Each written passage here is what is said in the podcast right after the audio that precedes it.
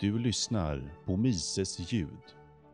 En podcast där du lyssnar på artiklar från Ludwig von Mises-institutet i Sverige.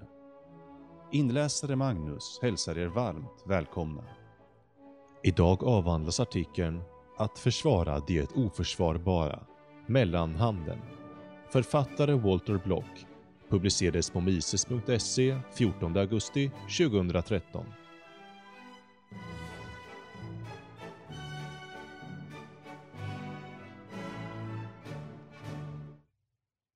Det sägs att mellanhänder utnyttjar oss.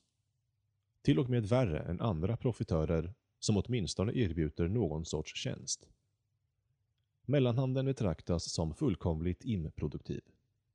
Han köper en produkt som någon annan har tillverkat och säljer den till ett högre pris, utan att ha lagt till någonting extra än en extra kostnad för konsumenten. Om det inte fanns några mellanled skulle varor och tjänster vara billigare utan vare sig reducerad kvalitet eller kvantitet. Även om den här synen är populär och allmänt förekommande är den felaktig. Den visar på en chockerande okunskap om mellanhändernas ekonomiska funktion. Mellanhänderna utför helt klart en tjänst. Om det försvann skulle hela beställningskedjan kastas in i kaos. Utbudet av varor och tjänster skulle minska om det ens skulle finnas tillgängliga, och mängden pengar som skulle behöva spenderas på att köpa dem skulle öka ohejdat. Produktionsprocessen för en typisk vara består av råmaterial som måste samlas in och bearbetas. Maskiner och andra produktionsfaktorer måste införskaffas, monteras, repareras och så vidare. När slutprodukten är klar måste den paketeras, transporteras och lagras. Man måste göra reklam för den och sälja den. Register måste föras, rättsligt arbete måste utföras och finanserna måste vara i god ordning. Produktion och konsumtion av vår typiska vara skulle kunna visas på följande sätt. 10, 9, 8, 7, 6, 5, 4, 3, 2, 1. Nummer 10 representerar det första steget i produktionen av varan och nummer ett det sista steget när varan befinner sig i händerna på konsumenterna. Steg 2 till 9 visar mellanstegen i produktionen. Alla dessa hanteras av mellanhänder.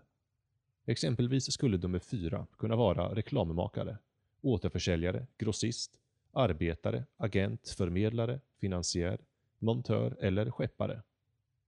Oavsett vilken som är hans specifika titel eller funktion så köper den här mellanhanden från nummer 5 och säljer den vidare till nummer 3.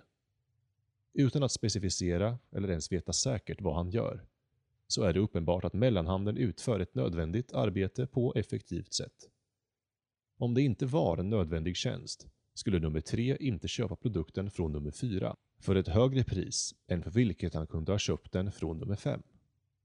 Om nummer 4 inte utförde en värdefull tjänst skulle nummer 3 rationalisera bort mellanhanden och köpa direkt från nummer 5. På samma sätt är det uppenbart att nummer 4 utför ett effektivt arbete, eller åtminstone ett mer effektivt arbete än nummer 3 skulle kunna göra själv. Om han inte gjorde det skulle nummer 3 rationalisera bort mellanhanden 4 och utföra arbetet själv. Det stämmer också att även om nummer 4 utför ett nödvändigt arbete på ett effektivt sätt tar han inget överpris för sitt arbete. Om man gjorde det skulle det löna sig för nummer 3 att kringgå nummer 4 och antingen utföra arbetet själv eller anlita en annan mellanhand. Om nummer 4 tjänade en högre vinst än man tjänade i övriga steg skulle entreprenörerna från andra stegen tendera att byta till det stadiet och driva ner vinsten tills den var på samma nivå som vinsten i de övriga stegen. Om mellanledet nummer 4 förbjöds på grund av en rättslig åtgärd skulle hans arbete vara tvunget att utföras av mellanled 3, mellanled 5 eller andra. Alternativt skulle arbetet inte bli utfört. Om mellanled 3 och mellanled 5 tog över arbetet skulle kostnaden för produktionen öka. Det faktum att de har handlat med mellanled 4 så länge som det var lagligt tyder på att de inte kan göra samma arbete lika bra, det vill säga för samma pris eller lägre. Om det fjärde steget helt försvann och ingen tog över dess funktioner skulle produktionsprocesserna störas allvarligt på den punkten. Trots den här analysen kommer många människor fortsätta att tycka att det är någonting renare och ber direkt i utbytet som inte innefattar ett mellanled. Kanske kommer problemen med vad ekonomer kallar double coincidence of wants att ta ifrån dem den synen. Föreställ dig situationen för en person som äger en korg med gurkor som han skulle vilja byta mot en kyckling. Han måste hitta någon som har en kyckling som är beredd att byta den mot en korg med gurkor. Föreställ dig hur osannolikt det vore att möta en person med en sådan matchande vilja. Faktum är att sådana double coincidence of ones är så ovanliga att båda två naturligt skulle söka sig till ett mellanled. Till exempel skulle gurkägaren som ville ha en kyckling kunna sälja sina varor till en mellanhand för en mer marknadsgångbar vara, exempelvis guld, och sedan använda guldet för att köpa en kyckling. Om man gjorde så skulle det inte längre vara nödvändigt för honom att hitta en kycklingägare som ville ha gurkor. Vilken kycklingägare som helst skulle kunna fungera, vare sig han tycker om gurkor eller ej. Uppenbarligen förenklas handel betydligt när mellanhandeln införs. Han gör double coincidence of wants onödiga. Istället för att tära på konsumenten är det mellanhandeln som i flera situationer gör handel som konsumenten önskar möjlig. Några av attackerna på mellanleden baseras på de argumenten som finns representerade i bredvidstående diagram. Under tidigare perioder var priserna på varor låga och mellanledens andel också. Sedan ökade mellanledens andel av värdet på slutprodukten vars pris även ökade. Exempel som det här användes för att bevisa att de höga köttpriserna på våren 1973 berodde på mellanled. Men de bevisade om något snarare motsatsen. Andelen som gick till mellanleden hade visserligen ökat, men endast eftersom deras insatser hade ökat. En ökad andel utan en ökad insats skulle helt enkelt bara höjt vinsten och lockat fler entreprenörer till marknaden. Deras inträde skulle också ha sänkt vinsterna. Alltså, om andelen vinst som går till mellanleden ökar måste det bero på deras produktivitet. Exempel på det här fenomenet finns i överflöd i företagsekonomiska årsböcker. Vem kan förneka att varuhus och stormarknader spelar en större roll idag och tar en större del av marknaden än mellanhänderna förr i tiden? Trots detta leder varuhus och stormarknader till ökad effektivitet och lägre priser. Dessa nya former av återförsäljning kräver mer utgifter för mellanleden i produktionen, men ökade effektivitet leder ändå till lägre priser. Att försvara det oförsvarbara Högerpresteraren Författare Walter Block publicerades på mises.se 26 februari 2014. Situationen känns igen från hundratals filmer med arbetartema. Den unge ivriga arbetaren kommer till fabriken på första arbetsdagen, fast besluten att bli en produktiv arbetare. I sin entusiasm producerar han mer än de andra arbetarna som har jobbat på fabriken i många år och är trötta, kutryggiga och reumatiska. Han är en högpresterare. Föga förvånande uppstår irritation mellan vår ivrige unga arbetare och hans äldre kollegor. De senare framstår trots allt som lata. I motsats till hans ungdomliga överflöd framstår deras produktionsnivåer som undermåliga. Allt eftersom den unga arbetaren håller igång sina arbetsprestationer blir han mer och mer alienerad från de andra arbetarna. Han blir högdragen. De äldre arbetarna försöker först bemöta honom med sympati. Men när han envisas med att fortsätta fryser de ut honom och drar honom genom arbetarnas skärseld. Filmen fortsätter med att högpresteraren så småningom tar sitt förnuft till fånga detta kan ske på en rad olika dramatiska sätt. Kanske ser han en sjuk gammal kvinna, en före detta fabriksarbetare eller en arbetare som har skadats i fabriken. Om filmen i fråga är avantgarde kan omvandlingen utlösas av att en katt stryker omkring i en omkullvält soptunna. I samtliga fall inser den unge mannen att han har felat. I den dramatiska sista scenen vandrar oftast alla arbetare, inklusive högpresteraren, iväg från fabriken, hand i hand. Och en vänlig gammal arbetarfilosof tar högpresteraren åt sidan. Han ger den unga arbetaren en femminuters kurs i arbetarhistoria, från romartiden till nutid, och påpekar att chefer ständigt sviker arbetarna. Han visar bortom alla tvivel att arbetarnas enda hopp är att vara solidariska med varandra. Han förklarar hur det alltid har pågått en klasskamp mellan arbetare och kapitalister, där arbetarna ständigt kämpat för anständiga löner och arbetsvillkor. Cheferna framställs som girigbukar som försöker betala arbetarna mindre än vad de förtjänar och driver dem så hårt att de till slut tuppar av. Varje arbetare som samarbetar med cheferna i deras oupphörliga, obarmhärtiga och hänsynslösa försök att effektivisera och öka deras produktivitet är arbetsklassens fiende.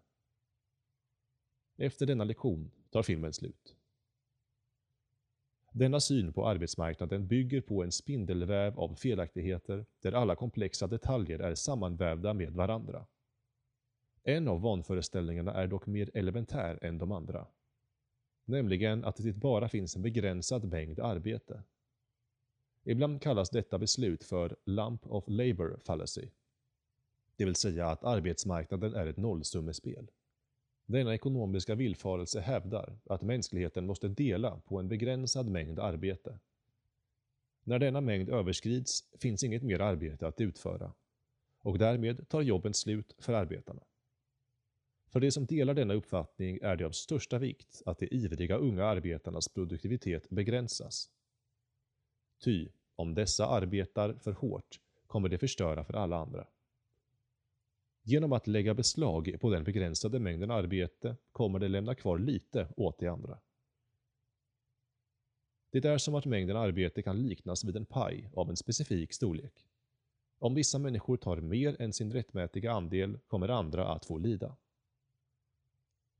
Om denna ekonomiska världssyn stämde skulle det definitivt ligga något i den teori som filmens arbetarfilosof predikar. Det skulle vara motiverat att hindra de yngre och mer aktiva arbetarna från att ta för mycket av kakan.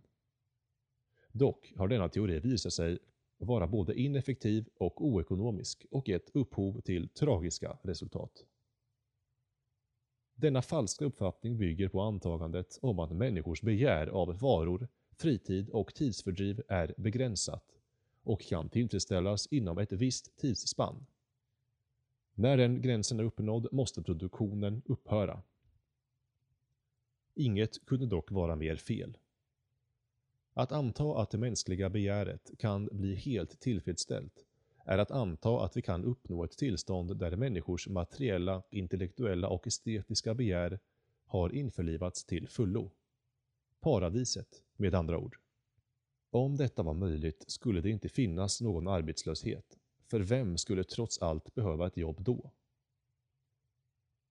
Det finns dock lika mycket arbete som det finns ouppfyllda behov. Eftersom mänskliga begär är praktiskt taget oändliga är också mängden tillgängligt arbete oändligt. Oavsett hur mycket arbete den ivrige unga arbetaren utför kan han omöjligen göra slut på mängden arbete som behöver utföras, eller ens orsaka en synbar minskning av det. Men, om arbetaren inte tar andras arbete, eftersom det är en oändlig mängd arbete att utföra, vad får hans insatser då för effekt? Effekten blir förstås att hans ihärdiga och effektiva arbete ökar produktionen. Genom sin energi och effektivitet ökar han bara kakans storlek, vilket leder till att de som konsumerar hans produktion får mer att dela på. Högpresterarens insats borde även ses ur ett ytterligare perspektiv. Föreställ dig en familj som är strandsatt på en tropisk ö. När familjen Robinson tog tillflykt till en ö i Indiska oceanen bestod deras ägodelar bara av det som kunde bärgas från fartyget. Det magra utbudet av kapitalvaror plus familjens egen arbetsförmåga var avgörande för huruvida de överlevde eller ej. Om vi skalar bort romanens alla ytligheter utgjordes familjens ekonomiska situation av en oändlig lista begär. Samtidigt som deras förmåga att tillgodose dessa begär var ytterst begränsad. Om vi antar att alla familjemedlemmar satte igång att arbeta med de resurser som stod till deras förfogande skulle vi finna att de endast kunde tillfredsställa en del av sina begär. Vad skulle en högpresterare ha för effekt på deras situation?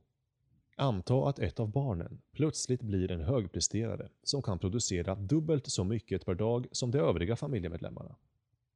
Kommer denna yngling ödelägga familjen, ta arbete från de övriga familjemedlemmarna och orsaka förödelse i deras minisamhälle? Det är uppenbart att familjen Robinson inte skulle ruineras av högpresteraren.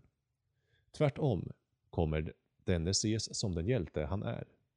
Eftersom det inte finns någon risk att hans ökade produktivitet skulle orsaka arbetsbrist åt familjen. Vi har sett att familjens behov är oändliga. Både av praktiska och filosofiska skäl.